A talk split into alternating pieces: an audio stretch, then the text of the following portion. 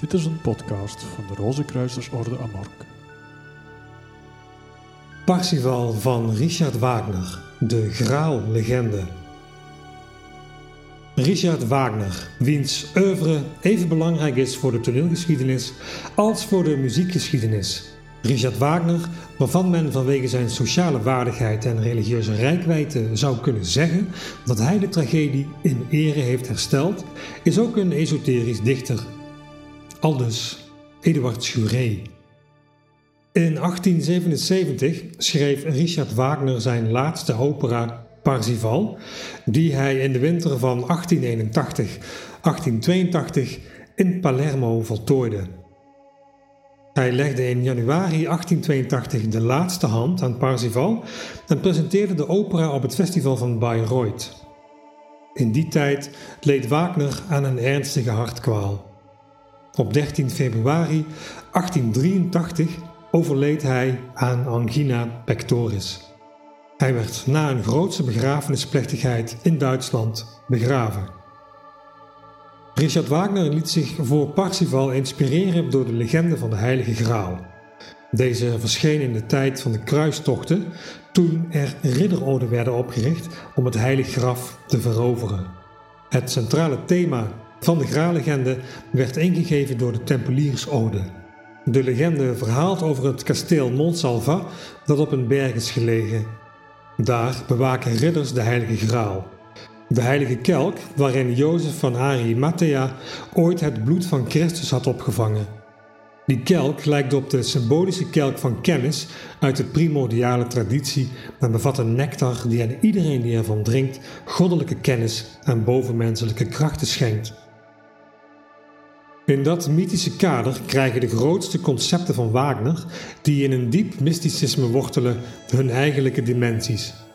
In tegenstelling tot de officiële biografieën van Wagner, die suggereren dat Wagner de esoterische traditie niet kende en die Schopenhauer, de filosofieleraar van Wagner, als een materialistische filosoof voorstellen, heeft de esoterische traditie vastgesteld dat Wagner een mystiek dichter was en Schopenhauer een ingewijde filosoof vooral in de boeddhistische filosofie.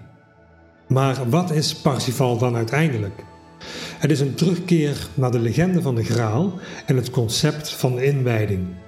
Wagner laat ons het inwijdingsproces in drie acten zien. Eerste acte, het noviciaat. Tweede acte, de kweeste van de Heilige Graal. Derde acte, de inwijding.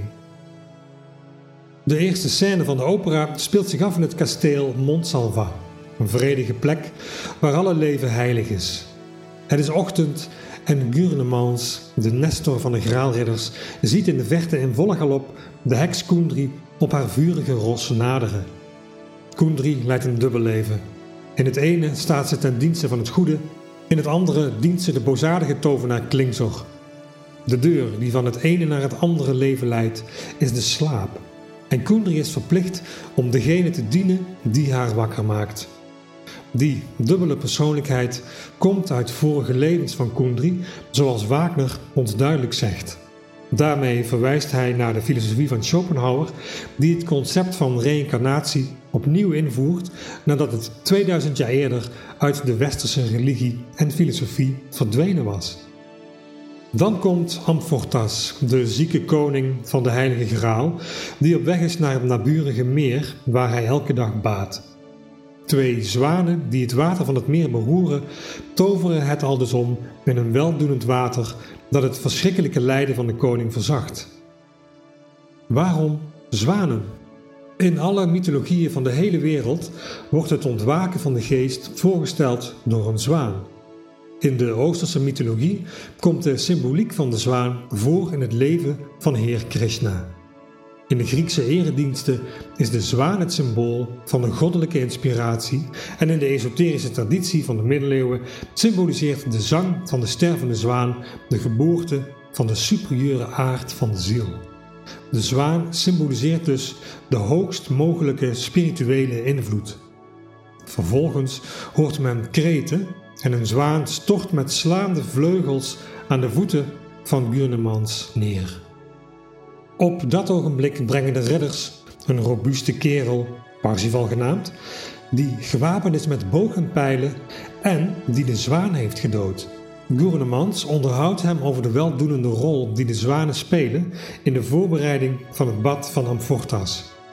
Diep geraakt door dit verhaal breekt Parsifal zijn boog en geeft zodoende blijk van de geboorte van mededogen in zijn ziel. Gouvernemans vraagt hem: Wie ben je? Hoe ben je op Montsalva gekomen? Parsifal antwoordt dat hij het niet weet. De onwetendheid van Parsifal symboliseert de kortstondige, maar onvolledige spirituele visie van de ziel die hemelse werelden zoekt. Gouvernemans is ervan overtuigd dat Parsifal de bevrijder van Amfortas is en hij neemt hem mee naar het kasteel van de Heilige Graal. In de tweede acte zien we Klingzor, de boosaardige tovenaar die Kundry wakker maakt. Want hij heeft Parsifal naar het Graalkasteel zien gaan en hij vreest hem, omdat hij hem voor een naïveling houdt. Parsifal wordt in feite door zijn naïviteit tegen de wereldse verleidingen beschermd. De toverijen van Kundry wegen niet op tegen de eenvoud van Parsifal, want hij valt niet voor haar kunsten. De derde acte speelt zich ettelijke jaren later af. Een ridder betreedt het kasteel Montsalva. Gouvernemans komt aan met Kundry en herkent Parsifal, de drager van de heilige lans. Hij vraagt hem waar hij vandaan komt en Parsifal antwoordt hem: Door zoeken en lijden ben ik aangekomen. Dit antwoord symboliseert de inwijding van de ziel en is een voorstelling van het volle bewustzijn van het spirituele ontwaken door de held van de Heilige Graal, die hartzeer en moreel lijden heeft overwonnen. Parsifal en Gouvernemans betreden het Graalkasteel. Parsifal nadert koning Amfortas en geneest hem door zijn wonden met de punt van de lans aan te raken. Hij stoot Amfortas echter van de troon en wordt zelf de bewaker van de Heilige Graal. Want alleen zij die gekomen zijn tot absolute zelfverloochening en een spiritueel inzicht hebben dat verder reikt dan de uiterlijke schijn, zijn geschikt om de spirituele macht van de Graal te bezitten. In de laatste acte spreekt Kundry, die het lichaam symboliseert, slechts één woord uit: zelfverloochening. Ze helpt Parsifal, de geest, om de volmaakte zelfverloochening te bereiken. In de eerste acte was ze tijdens het bezoek van Parsifal ingeslapen. Want in die bewustzijnsfase kan de geest slechts naar de hemelse werelden opstijgen als het lichaam slaapt of dood is. Maar in de laatste acte betreedt ook Kundry, het lichaam, het kasteel, omdat ze zich gewijd heeft aan de dienst van Parsifal, de geest, die de kennis heeft verworven.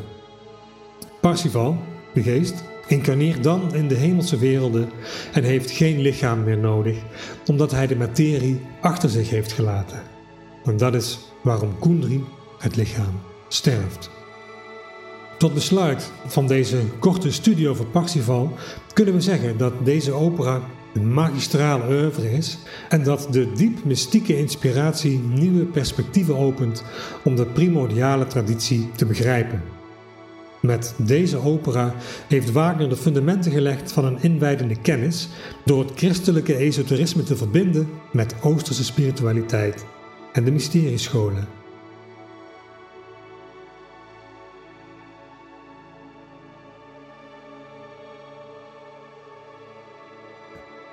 Deze tekst is geschreven door François de Macunem in de winter van 2016.